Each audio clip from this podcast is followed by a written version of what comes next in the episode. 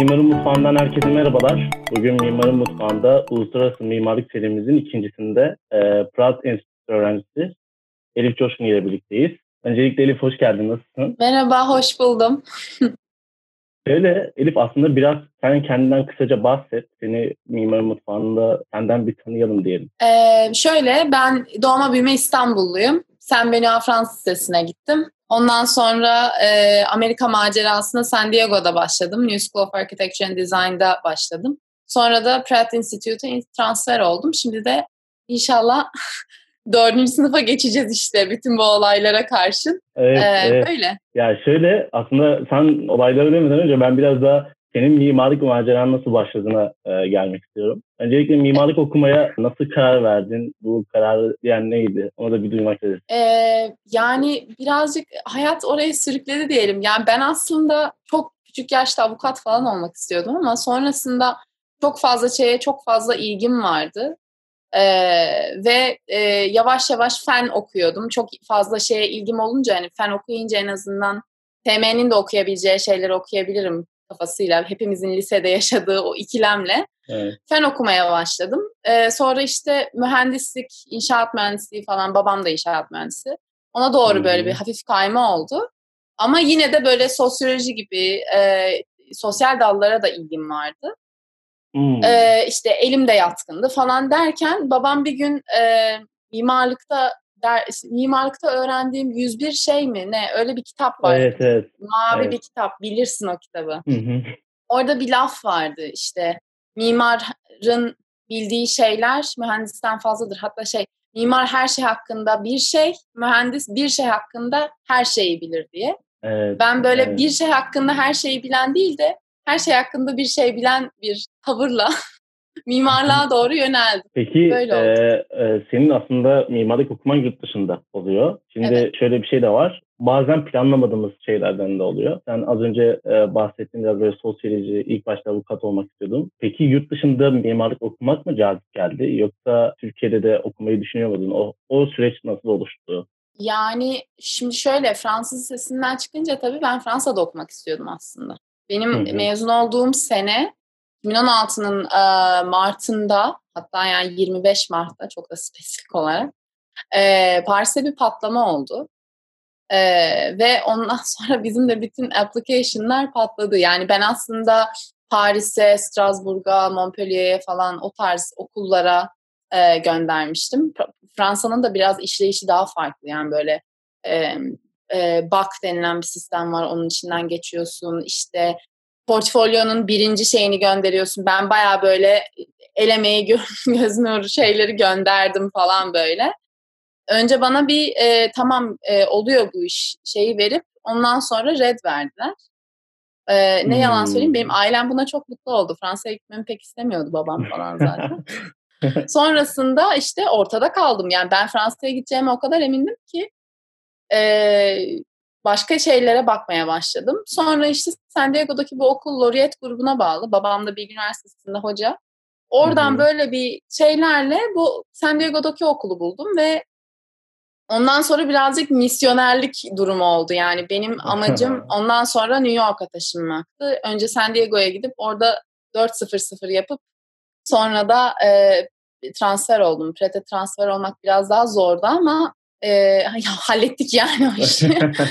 transfer ee, o, o süreçler nasıldı peki? Yani örneğin ama yine de Amerika'daki bir üniversiteden transfer olmuşsun. Evet evet Amerika'daki o, bir üniversiteden transfer aynen. Onun koşulları nasıldı? Yani, yani freshman'dan başlayacaklar için bütün okullar aşağı yukarı aynı zaten. Yani e, mimarlık okulları genelde SAT istemez. Yani istiyorum dese de bir iki e-maille kurtulabilecek durumdur o. Yani bunu bu birazcık inside bir bilgi. Yani herkes bunun farkında değil. Ben mesela Pret'e ilk freshman olarak başvurmak istediğimde SAT yazıyordu Pret'in başvuru listesinde. Ama yani git sor yabancı öğrencilere SAT'ye girdin mi? Hiçbiri girmemiştir. Hmm. Ee, San Diego'daki okulda da aynı şekilde SAT istemediler. İstenen en önemli şey portfolyoydu yani ne çizdin, ne yaptın o hayatın boyunca, ne neler yaptın. Aslında Türkiye'de e, düşünüldüğü gibi öyle inanılmaz portfolyolar hazırlamaya gerek yok. Lisedeki öğrencileri öyle biraz korkutuyorlar. Yani inan böyle işte kurslara gidiyor millet falan filan. Böyle bir şeye bence bu benim kendi şahsi görüşüm böyle bir şeye gerek yoktu. Yine de gidilmesi lazım çünkü lisede okuyan bir öğrenci hani portfolyo nasıl hazırlanır, bir iki çizdiğin şey yan yana nasıl konur pek bilmiyor. Yani durumdan çok uzak olunca insan e, birazcık öyle şeylere gittim. O, onları toparlamak için. Bir de işte e, bu letter of intent işte bir şey yazıyorsun. Bir iki sayfalık bir şey o. Hı hı. İşte ben niye mimarlık okumak istiyorum? Ben niye özel bir insanım? Beni niye aranıza almalısınız adlı evet. bir şey yazıyorsun. Bu ikisi en önemlileri. Ondan sonra işte GPA falan filan geliyor. Yani e, ama benim için en önemli ikisi buydu. Onu söyleyebilirim. Yani bunlardan alındığıma eminim.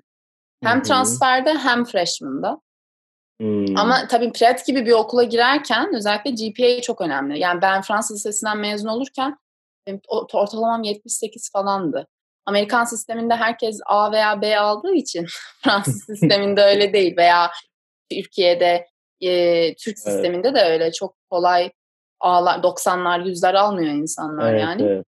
O yüzden yani benim girişim Pratt'e transfer olarak olması biraz daha kolay oldu. Çünkü gittiğim okulda yani canla başla kan ter gözyaşı çalışıp e, 3.9 ortalama yapıp sırf matematik dersinden mi ne bir tane adam B verdi bana gittim yalvardım 4.00'la geçtim yani Nasıl oldu ben de bilmiyorum. Birazcık flu o sıralar. Yani o ortalamada tabii bir etkisinin olduğunu orada düşünüyor musun? Ee, evet yani en azından seni başka insanların önüne atacak. Yani en azından seninle aynı e, seviyede birisi varsa atıyorum. Seni GPA bir tık öne atacak. Çünkü yani herkes portfolyo yapıyor ve herkesin işi de en nihayetinde hani herkes iyi iş yapmaya demeye çalışmıyorum öyle bir şey değil ama yani aşağı yukarı lise öğrencisi aşağı yukarı aynı şekilde çizim yapıyor. GPA Hı-hı. birazcık daha seni e, farklı kılan taraf oluyor. Letter Hı-hı. of intent de böyle bir şey. Yani ona oturup ve aylarca dönüp tekrardan yazıp dönüp tekrardan yazıp olan bir süreçti ve öyle de olması gerekiyor. Hmm. Ee, Amerikalılar genel olarak e, işte speech, writing böyle şeylere çok önem veren insanlar. Yani kendini anlatabiliyor olman onlar için çok önemli. Yani ben Letter of Intent'imden Pratt'e girdiğimi düşünüyorum. Kimse bana böyle bir şey demedi ama bence öyle. yani onun da bir etkisinin olduğunu düşünerek bence böyle evet. bir dışı eğitiminde yüksek lisans ya da lisans düşünenler e, kesinlikle dikkat etmesi gereken bir konu. Ya ben biraz daha eğitim sistemine gelmek istiyorum. Oradaki mimarlığın hı hı. aslında San Diego'daki okulundan ve Fred'den de bahsedebilirsin. Ya, Türkiye'deki eğitimi düşündüğünde aradaki benzerlikleri, farklılıkları yani nasıl yorumlar? Ya bir de yani ba- şimdi... babada da bir eğitimci kimliği olduğu için kesinlikle evet. üzerine çok konuşuyorsunuz. babada bir eğitimci kimliği var. Ya şimdi şöyle ben mimarlık eğitimi nasıl veriliyor burada bilmiyorum. Şimdi yalan olur şey söylesem. Fakat duyduğum şeylerden konuşmak gerekirse hı hı. E, buradaki temel tasarım dersleri birazcık daha yine e, yine birazcık daha mimarlıkla alakalı oluyor. Çok yakın bir arkadaşım Aslı. E, İTÜ'de mimarlık okuyor şu anda mesela ilk sınıfında. Ee, ve işte ona birazcık yardımcı oluyordum. Ondan birazcık kaptım. Yani gene programla başlıyorlar e, eğitime. Bizde öyle değildi. Bizim birinci sene zaten mimarlık e, Amerika'da beş sene. Birinci sene daha böyle e, foundation gibi. Yani böyle abidik gubidik şeyler yapıyorsun aslında. Yani space, yani bir space nedir? E, nasıl occupy edilir? İşte hmm. e, içine girince nereden ne yaparsın? Ama yani bu çok daha fazla işte e, tekerrürle e, yapılan e, çizimler falan hmm. tarzında böyle e, güzelliği yani senin bildiğin güzelliği sana unutturup onun üzerine baştan bir e, e, tasarım ve işte sanat eğitimi inşa etmek üzerine olan bir sene oluyor. Bence hmm. Amerika'daki eğitimin en büyük farkı o. Ama dediğim gibi yani belki de bazı okullar burada bunu yapıyordur. Yani ODTÜ gibi falan ama ben pek emin değilim yani. Görmediğim hmm. için, içinde bulunmadığım için. Ama yani sen farkını söyleyeceksindir bana. Mesela San Diego'daki okul bunun daha da ekstremiydi. Yani ben San Diego'daki okulda e, Autodesk'in Maya diye bir software'i var. Belki evet. biliyorsundur. Evet. Organik e, şeyler, 3D e, cisimler yaptım. Ben onu kullanmayı falan öğrendim. Yani böyle ekstrem düzeyde. Kendi kafamı mayada modelledim falan. Böyle yani hayatında bir daha gerekecek mi diye sor. Portfolyonda duruyor yani. Şey maya kullanmayı biliyorum diyorum çalışmaya e, yani başvurduğum yerlere. Ama yani bu daha ağırlıklı diyorsun yani. Birinci sınıfta bu işte yani sanat özellikle yani tasarım Hı-hı. yani tasarım kendi başına bir şey. Yani mimarlıkla alakalı ya şöyle diyeyim yani bir makette bir açıklık oluyordu. Oraya millet pencere diyordu. Pencere denmesine izin vermiyorlardı falan tarzında. Yani tamamıyla o şeyden kendini soyutlayıp e, böyle daha e, sanatkar bir kafaya alıp seni ondan sonra bir ikinci sınıftan itibaren programla başlıyor. Birinci sınıfta sıfır program yani hiçbir şekilde öyle hani biz ev yaptık, e, otel yaptık falan tarzında bir şey olmuyor.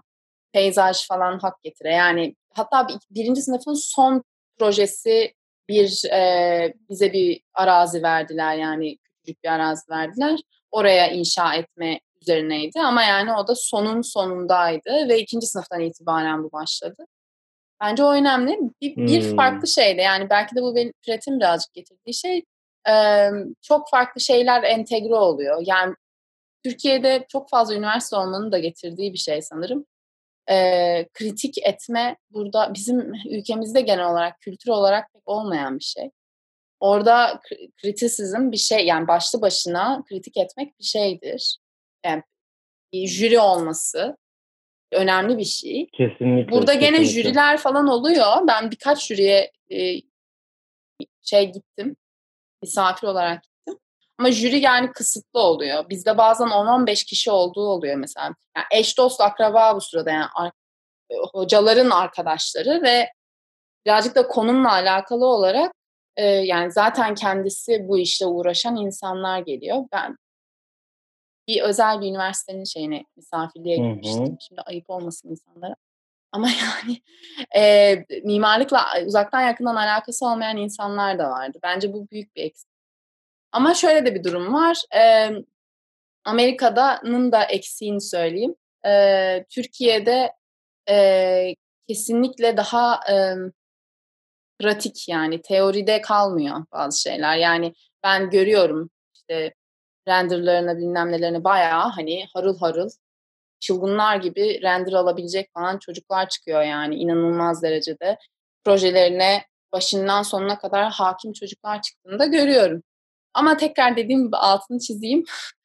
Benim Türkiye'deki mimarlık eğitimiyle alakalı çok bir fikrim olmadığı için birazcık dışarıdan duymalarımla falan bu kadar. Peki kendi üniversitendeki mimarlık eğitiminden biraz e, böyle ikinci, üçüncü sınıflardan da bahsedersen e, nasıl bir Tabii. tasarım tekniği izleniliyor, neler yapılıyor? E, ikinci sınıf e, basit bir programla başlar. Yani biz müzeyle başladık mesela. Yani müze en basit program bence. Çünkü yani koca bir alan, resim asacaklar bu kadar yani. Bir tane tuvalet koyacaksın, bir de lobi koyacaksın bu. Bu tarz bir programla başlamışlardı.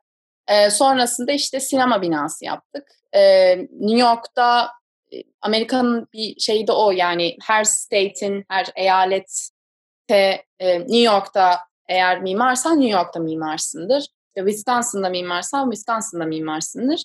Başka hmm. eyaletlerde mimarlık yapmak için e, ekstradan bir lisans alman gerekir. Hmm. Bizde New York mimarlığı eğitimi verildiği için daha dar alanlarda nasıl mimarlık yapılır wow. göstermeye çalıştıkları bir dönemdi. Birinci dönem. İkinci sınıfın birinci dönemi ya da ikinci dönemi pardon. Birinci dönemde daha sadece yani açık arazi istediğini yapabiliyorsun. Özgür bir alan. Üçüncü sınıftan itibaren daha böyle e, yani tek kişilik tek dev kadro olduğun işte e, şey partnerleştiriyorlar işte. Yani tek başına da yapabilirsin hocan izin veriyorsa da benim partnerim vardı. Üçüncü sınıfı komple öyle geçirdik. Ve çok, çok daha iyiymiş. büyük projeler. Yani birinci dönem e, residential'dı e, bir şey e, co-housing projesiydi. E, işte belli başlı işte yaşlı insanlar da olacak, genç insanlar da olacak, aileler de olacak. Bu insanlar hep birlikte nasıl yaşayacaklar? Yani e, yan yana da durmaları lazım ama aynı zamanda biraz da uzak da kalmaları lazım. falan hmm. tarzında bir şeydi. E, bizim okulun yaklaşımı her hocaya bir tarz mimarlık veriyorlar mesela yani form olarak bahsediyorum. Benimki e, mat mimarlıktı. İşte daha hmm. geniş bir e, araziye yapılan kısa binalar. Başka arkadaşlarımın hocaları daha küçük arazilere daha uzun binalar olan vardı ya da e, orta halli bir araziye orta halli bir bina şeklinde. Farklı Hı-hı. farklı şeyleri vardı. Yani işin sonunda aslında mimarlık senin de bileceğin üzere e, sadece kendinin öğrendiği değil yani kendinin yapıp öğrendiğin değil etrafındaki insanların yaptıklarına da bakıp öğrendiğin bir şey oluyor. Kesinlikle. Bence o çok güzeldi yani farklı farklı şeyler çıktı ortaya.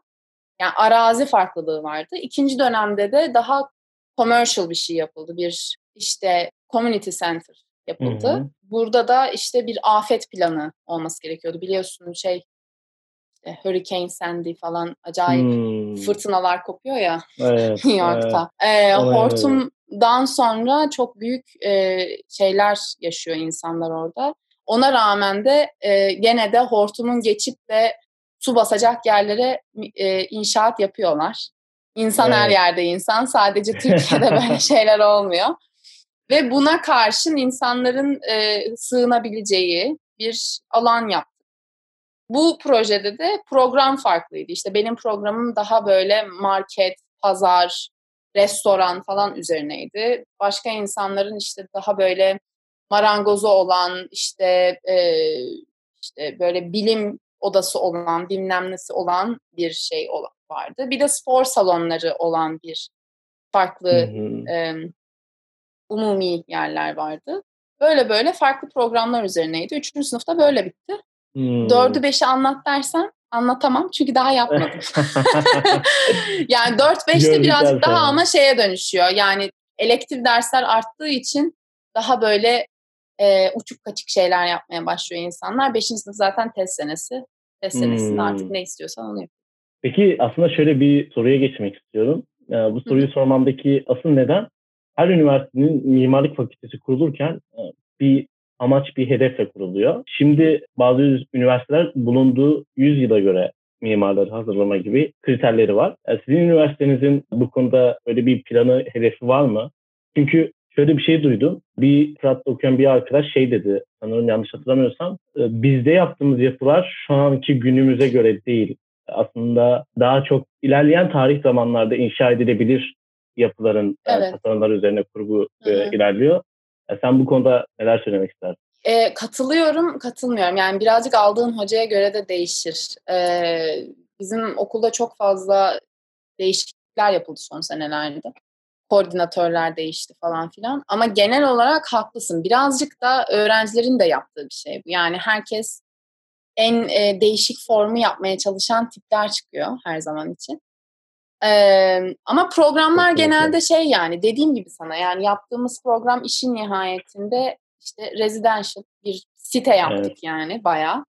Bir de e, işte şey e, böyle devlet merkezi gibi bir yer yaptık yani insanların bir araya gelebileceği bir tane müze yaptık. Bir de sinema binası yaptık. Yani aslına bakarsan programlar olan programlar. E, fakat Pratin getirdiği şeyler işte yani kriterler öyle bir hale alıyor ki e, yani olmayacak şeylermiş gibi olmaya başlıyor. Yani hocalar kendileri de birazcık oraya doğru sürüyor. Ay şöyle olsun, ay böyle olsun. O da şeyden kaynaklı. Başlarda bana da çok daral geliyordu konudan ama birazcık da hani hem e, okula gidip hem çalışmaya başlayınca hani aslında okulda bu tarz hiç günümüze uygun olmayacak şeyler yapmanın ne kadar entelektüel evet. bir şey olduğunu anlamaya başladım. Kendi adıma konuşayım. Yani bir kere yani okulda yaptığımız o çılgın hiç olmayacak şeyleri bir daha yapamayacağız. O yüzden ben artık yani o noktadan sonra hiç olmayacak şeyleri yapmaya başladım ki sistemden çıksın yani. Ee, ben o yüzden olduğunu düşünüyorum ama Pret kesinlikle yani bu bir eksiklik ve fazlalık aslında. Geçen gün babamla böyle bir bunun muhabbetini ediyorduk. Ee, bize tamamıyla inanılmaz teorik bir bilgi veriliyor. Yani Pret'te sanki her şeyi yapabilecek misinincesine bir bilgi veriliyor. Aa. Ama pratikte o kadar e, iyi olmuyor insanlar. Yani Revit gibi işte ve çoğu insanın çok hızlı yapabildiği AutoCAD gibi falan şeyleri biz kullanmıyoruz. Ya da kullanılsa da da fazladan kullanılmıyor. İlk verilen software Rhinoceros bir kere zaten hmm. yani. Rhinoceros'ı endüstriyel tasarımcılar da kullanıyor. Yani çok genel bir software verip ondan sonra üzerine bindirmeye başlıyor farklı derslerle. Ama hmm. öğrencisi birazcık da yani okulun kendisinin tasarım okulu olmasından mütevellit. Yani sanat okulu bizim okul. Yani Kesinlikle. bizim kampüsün dışındaki büyük kampüste sinema var, e, heykeltıraş var, e, çizim var, efendim söyleyeyim painting var, yani var oğlu var, takı tasarımı var falan. Yani bu tarz şeylerden beslenen bir fakültede olduğumuz için birazcık daha e, pratikten çok uzak olduğu anlar olabiliyor. Bu iyi bir şey de kötü bir şey. Yani pratiği her zaman öğrenirsin tabii. Yani açıp AutoCAD'i insanlar YouTube'dan da öğrenebilir. Hı hı. Ama tam tersini yapamazsın. O yüzden yani böyle ne nahana ne mıhına bir durum. ya ben biraz e, şey az önce söylediğinden yana bir soru sormak istiyorum. Şey dedin yani bizim yaptıklarımız bazen e, günümüze göre ama elin sonunda yaptığımız şey yani bir e, tiyatro salonu, müze ve vesaire diye. Sonra ben e, hocalarımın zorlamasıyla ekstrem şeyler denediğimi ve artık okulda yapabileceğimi düşünerek ekstrem deniyorum. Evet. Sence e, sizin okulda bu yapılıyor mu? Yani mezun olduğunda disipliner bir çalışma e, gün yüzünde tutuluyor mu? Yani çünkü sizin okulunuzdaki o sanat dallarıyla birlikte dışarıdan gördüğüm kadarıyla hepsi bir arada da bir şeyler üreten bir enstitü. O yüzden Hı-hı. oradan da yola çıkarak oradaki eğitim sistemimiz nasıl? Oradan da biraz bahseder misin? Yani disipliner bir çalışmada mümkün kılınıyor mu orada? Ee, ya mimarlıkta birazcık bu az hatta bunun e, bir tartışması olmuştu okulda. Çünkü mesela e, iç mimarlık kampüsün içinde onların binaları. O yüzden onlar hani e, moda binasıyla endüstriyel tasarım binası ve iç mimarlık binası aynı bina. Bu yani insanlar aynı yerde ders gördükleri için birazcık daha entegreler. Bizim e, mimarlık fakültesi kampüsün dışında, iki blok ötede. Biz her zaman için yani daha birbirimizi tanımayan oluyoruz. Bunun bir meselesi olmuş. Yani okuldaki insanlar biz prate geliyoruz, bunun için geliyoruz ama hiç böyle bir birlikte yapılan bir şey olmuyor bir şey diye. Olmuyor. O birazcık daha öğrencilerin arasında oluyor. Okulun kendiliğinden verdiği bir e, şey var diyemem yani Aa, bir efor hmm. var diyemem açıkçası yani ve bence bu bir eksiklik. İyi bir soru sordum. Yani kesinlikle olması gereken bir şey. Yani ben hmm. kendi adıma konuşayım. Benim ev arkadaşım sinema öğrencisi. E, evet. El mecbur e, bir ışık tutuyorsun yani kıza bir birazcık sinema nasıl olur öğreniyorsun. Ama yani Kesinlikle. o olmasaydı ben bilmezdim gibi. Yani aslında okulun içinde var, redli olmakla ge- gelen bir şey var. Ama okulun getirdiği yani daha iyi olabilir. Hmm, anladım. Şimdi şöyle bir şey e, aslında başta konuştuğumuz bu pandemi sürecinde yaşadığımız online eğitim sistemi ve beraberinde gelen işte, üniversitenin tek tek aslında deneyerek gördükleri olabilir mi olamaz mı diye. Ya bazı akademisyenlerle konuştuğumuz zaman bunun bir imkansız olduğunu düşündüler. Yani online eğitimde stüdyo derslerinin tabii tartışma konusu da. Sizde nasıl oldu? Bu süreci nasıl tamamladınız? Ve önümüzdeki Vallahi, yıllarda neler olacak? Neler söylemek Yani e, ben, ben şaşırtıcı bir şekilde iyi kotardılar yani bence. Birazcık da yani Değil öğretmenlerin evet. panik olmasıyla alakalı. Bizim hocalarımız yani genel olarak prakteki hocalar çok düşkündür öğrencilerine. yani yapılan projelere çok düşkündür. Yani benim kara kaşıma kara gözüme değil de yani öğretmen senin yaptığın projeye senden daha çok önem verdiği için yani inanılmaz panik anında benim e, bu pandemi sürecindeki hocam 85 yaşında İtalyan Giuliano diye bir adamcağız yani. Bu adam ne yani internet üzerinden ders anlatmak büyük bir şeydi. Ama çok güzel entegre oldu. Yani ben e, yani sonunda da söyledim yani Juliana helal olsun sana dedim yani. Çünkü gerçekten olacak ya Skype üzerinden ders anlatıyor. Yani ve 50 senedir falan Pret'te öğretmen. Yani 50 senedir yapmadığı bir şey yapıyor adam. Aslında gerçekten kutlanası bir şey. Pret aslında fena değildi ama daha iyi olabilirdi. Bunun da sebebi bizim altyapımız vardı aşağı yukarı. Ama yani online ders vermiyor, öyle bir şey sunmuyor. Evet, bizim öyle bir şeyimiz yok. Mesela yani ne bileyim City College, NYU, işte Columbia oraların zaten online dersleri var. O yüzden onlar daha rahat geçtiler. Bizde öyle bir şey yoktu. Ama yani herkesin aslında günümüzde bir altyapısı var. Herkes zaten eşiyle dostuyla FaceTime'dan konuşuyor. O yüzden evet. yani çok çok büyük bir problem olmadı. Benim aslında işime geldi. Ben onu söyleyebilirim çünkü maket yapmadık. Güzel güzel çizimlerimizi verdik ve yolumuza devam ettik yani. o yüzden hele bir de 3. sınıfın ikinci dönemi dediğim gibi büyük bir projeydi. Yani ben ilk e, şeyi yaptığımızda, maketi yaptığımızda pandemiden yani böyle bir 3 hafta önce falan ben dedim yani biz bu final maketini nasıl yapacağız? Yani zaten yani şey olan prototip olan maket o kadar uzun sürdü ki yani final maketi imkansızdı.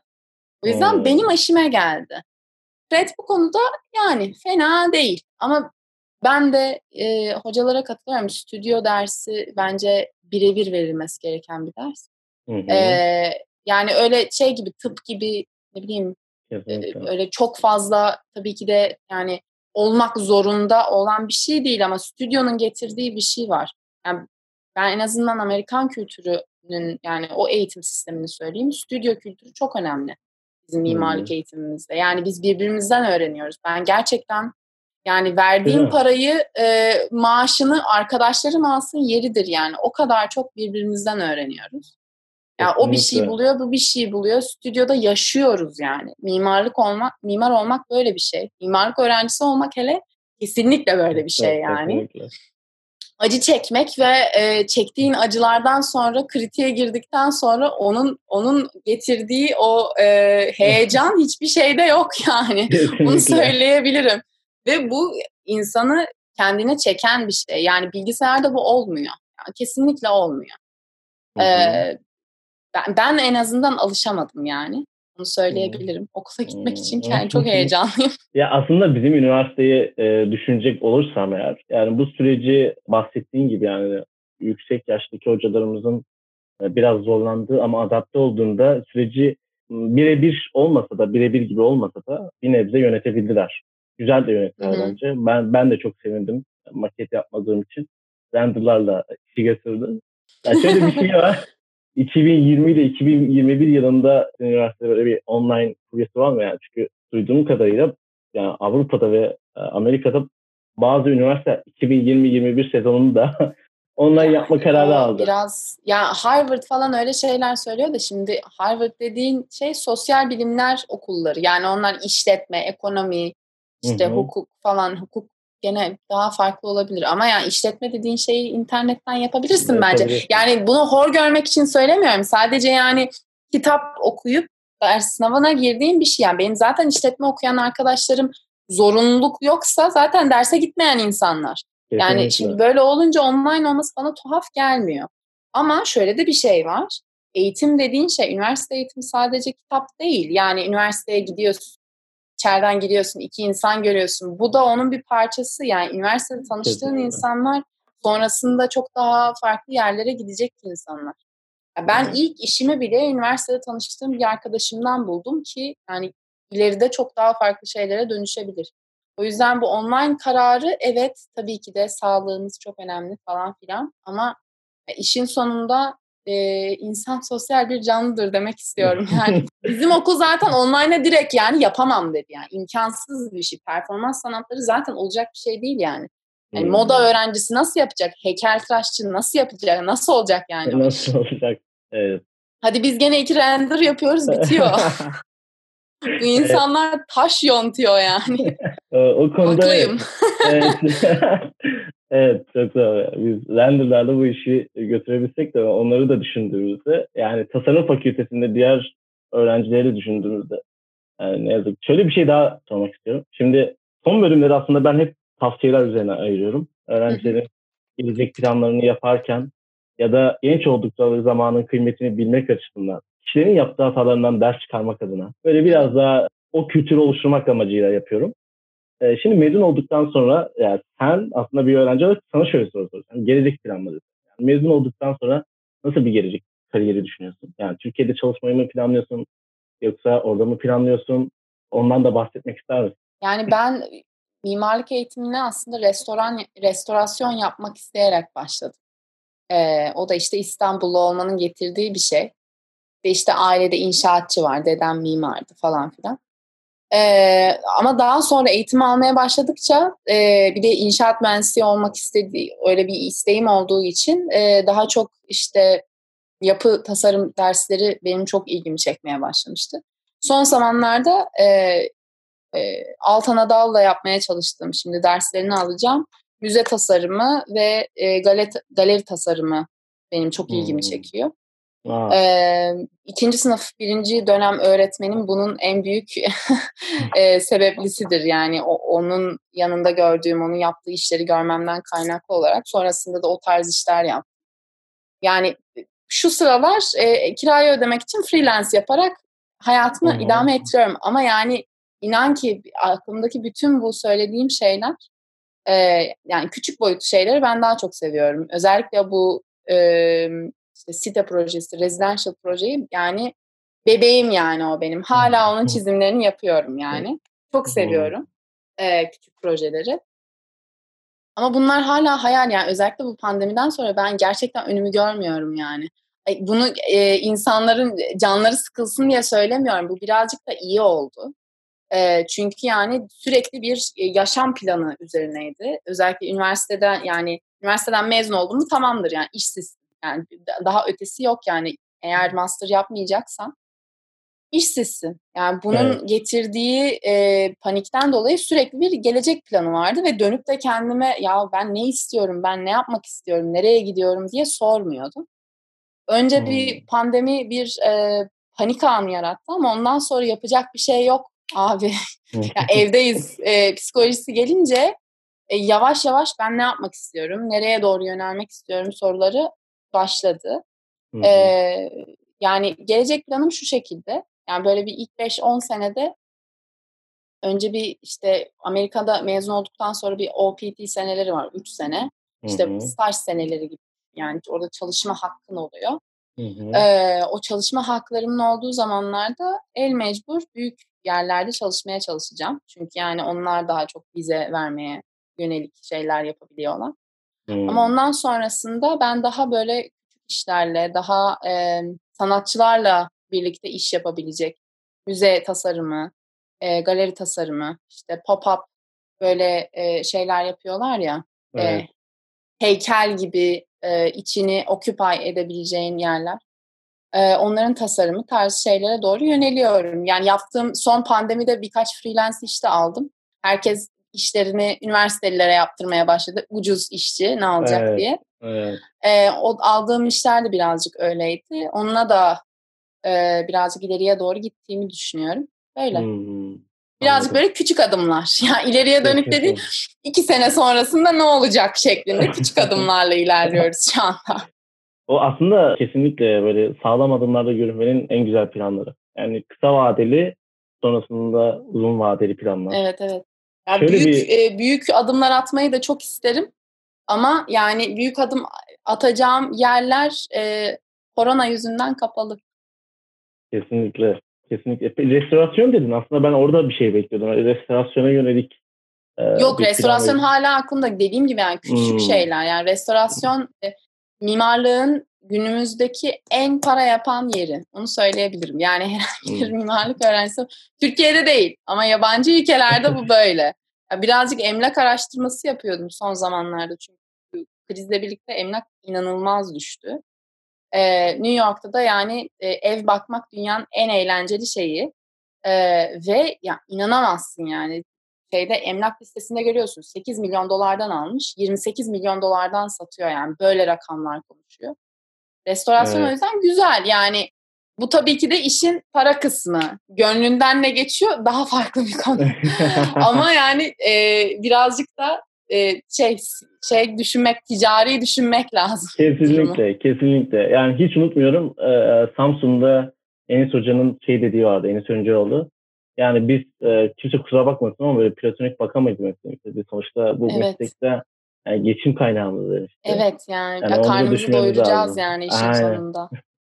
Şimdi şöyle bir şeye de gelmek istiyorum biraz daha Türkiye gündemiyle. Yani son zamanlarda ben e, çokça gündeme takılan bir insan değilim ama son zamanlarda ne yazık ki tırmam için zorlandı. evet. Yani örneğin Ayasofya son zamanda işte çok büyük tartışma konusu oldu. hiç beklemediğimiz bir anda ben uykudayken uyanınca nedense hep öyle oluyor bana. Ben böyle Türkiye'nin yaşadığı olaylarda hep uyuyakalıyor. Hiç bilmediğim bir şekilde denk geliyor.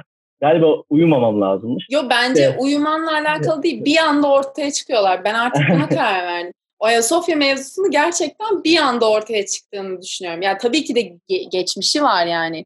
Türkiye'nin evet. sağ her zaman bunu istemiş fakat yani bir anda içlerine doğmuş gibi geliyor Aynen. bana. Aynen. Ya ben hep böyle bir şeye denk gelince dedim ki ya galiba bu konuda her şeyi artık beklememiz lazım. Yani son iki ay içerisinde her şeyi bekleye durdum yani. Sen bu konuda neler düşünüyorsun? Yani oradaki hocaların Türkiye'ye nasıl bakıyor? Türkiye'deki mimariye nasıl bakıyor? Örneğin Türkiye mimarisini nasıl tanımlıyorlar? Yani neler söylemek istersin bu konuda? Ee, gündem, gündem de olabilir yani. Yani Ayasofya konusu genel olarak bence bir yani ne vahşet diyeceğim ne e, kötü diyeceğim. Yani bence saçmalık yani başka hiçbir şey değil. Yani e, ne ekonomik bakımdan doğru, ne siyasi bakımdan evet. doğru, ne mimari bakımdan doğru. Yani her bakımdan saçma. Yani İstanbul'u İstanbul yapıp insanları, turistleri dışarıdan çeken en büyük mimari işte muazzam bir e, yapı yani. Buna yok kardeşim biz böyleyiz. Yani insanları küstürmektir bu. Başka bir şey değil. Yani siyasi boyutunu daha fazla yorum yapamıyorum bile çünkü artık yani insanın içinden bir şey söylemek de gelmiyor. Abdullah yani ne diyeceksin evet. ki yani? Ben bu konularda hatta artık tepki verilmemesi gerektiğini düşünüyorum. Çünkü yani yaptığı şeye tepki verince de bu sefer yok efendim biz şöyle biliriz böyle birize dönüşüyor. Yani daha evet. büyük tepki oluyor. O büyük tepki daha büyük tepki. Böyle böyle ki sağ köşeye gitmeye başladık. Türkiye Aynen olarak. öyle. Aynen öyle. O yüzden kesinlikle. yani e, istedikleri kadar Ayasofya'yı yani cami yapsınlar yani. E, ne işe yarayacak ben anlamıyorum. Ben sana söylüyorum. Elif demişti dersin. Bir iki sene geçer. Ya bunu niye, bunu niye yaptılar ya böyle der. Aynı insanlar. Yani gerçekten. Kesinlikle. Çünkü ekonomik Derler. olarak çok saçma bir şey. Ayasofya'ya dediğin yani pazartesi sabah git, cuma gece git. Her zaman dop dolu. Yani evet. ekonomik olarak bize çok büyük bir getirisi var. Ya bunun Aynen. böyle ya saçma sapan bir şey yani. yani gene bak gene para konuşturuyorsun. ya gerçekten çok bu tarz şeylerin dönüşü yok yani. Gidecekler orada da bir restoran restorasyon yaparlarsa özellikle ee, bir iki boya çekecekler bir şey olacak. Böyle şeylerin dönüşü yok ve sonra oldu bittiye gelmiş olacak. Sinirlenmeden e, hiçbir şey yapmamalarını beklememiz gerekiyor bence. Üç sene geçecek sonra da hashtag oy yok demek istiyorum. Bu kadar basit. Aynen. Aynen. Kesinlikle. Ya ben biraz daha böyle gündemden de e, konuşmuşken e, şöyle biraz daha senin de tavsiyelerini almak. Yani öğrencilik zaman tavsiye. Örneğin senin bir San Diego bir de e, Prat var. Yani şimdi orayı düşündüğün zaman ya keşke şunu yapsaydım da şu hataları yapmasaydım dediğin artısıyla eksisiyle neler önerebilirsin? Ya keş yani keşke değil. El mecbur birazcık öyle olmak zorunda oluyor fakat. Şey ekleyeyim ya da iyi ki yapmışım dediğin onu da olabilir. İyi ki yapmışım dediğin. Aynen. Yani e, el mecbur bazı şeyler kendiliğinden oluyor ama üniversiteye giriş işte üniversite sınavı zamanında falan yaptığım strese değmezmiş. Onu söyleyebilirim. Çünkü Aa, evet. yani e, hayat devam ediyor ve bazı şeyler olması gerektiği gibi oluyor. Yani isterseniz ve bunun için çalışırsanız yani koy verdim şeklinde değil tabii ki de yani istediğiniz şey için çalışırsanız bir şekilde istediğiniz yere geliyor musunuz onu fark ettim. Yani evet. ben ölü yani depresyondaydım resmen yani. Özellikle o Fransa'dan red geldikten sonra açıkta kaldım ya. İnanamadım bile yani açıkta Aa. kaldığımı. Yani üniversite sınavına hazırlanmamışım. Öyle bir inanmışım ki. Keşke yapmadığım, yapmasaydım dediğim mesela oradaki şey. iki şey var. Birincisi keşke yani bütün yumurtaları aynı sepete koymasaymışım yani. Böyle bir şeye gerek yokmuş. Yani Kesinlikle. hem Türkiye'ye hem Fransa'ya çalışabilirmişim ya da dünyanın hmm. başka bir yerine başvurabilirmişim.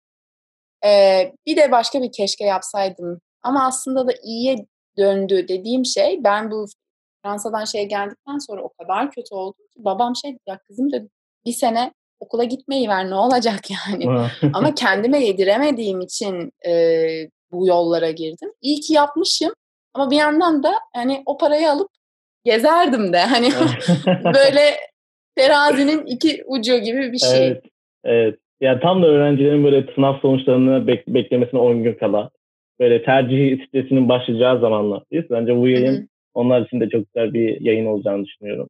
Bunlara dikkat etmelerini ben de öneririm. Yani bazı şeyler e, kesinlikle dediğiniz ya da e, yapamadığınız ya Evet bazı şeyler yani sınava girdin bitti ve bundan sonra tercih yaptın ve tercihten bir sonuç geldi. Bunların şeyi yok yani ve şu, şu şey demek de değil. Yani bir yere girdin mesela kazanamadın. Mimarlık istiyordun makine mühendisi tuttu. Dişçilik tuttu. Neyse artık. Ee, işin sonu değil yani. Gerçekten evet. değilmiş. Ben bunu fark ettim. Yani ben prete giremedim. Sonra da yok kardeşim ben bunu yaparım dedim. Ve baştan Oldu. yani baştan başlayabilir. Hayatın her noktasında baştan başlanılabilir. Hiç hmm. sıkıntı yok.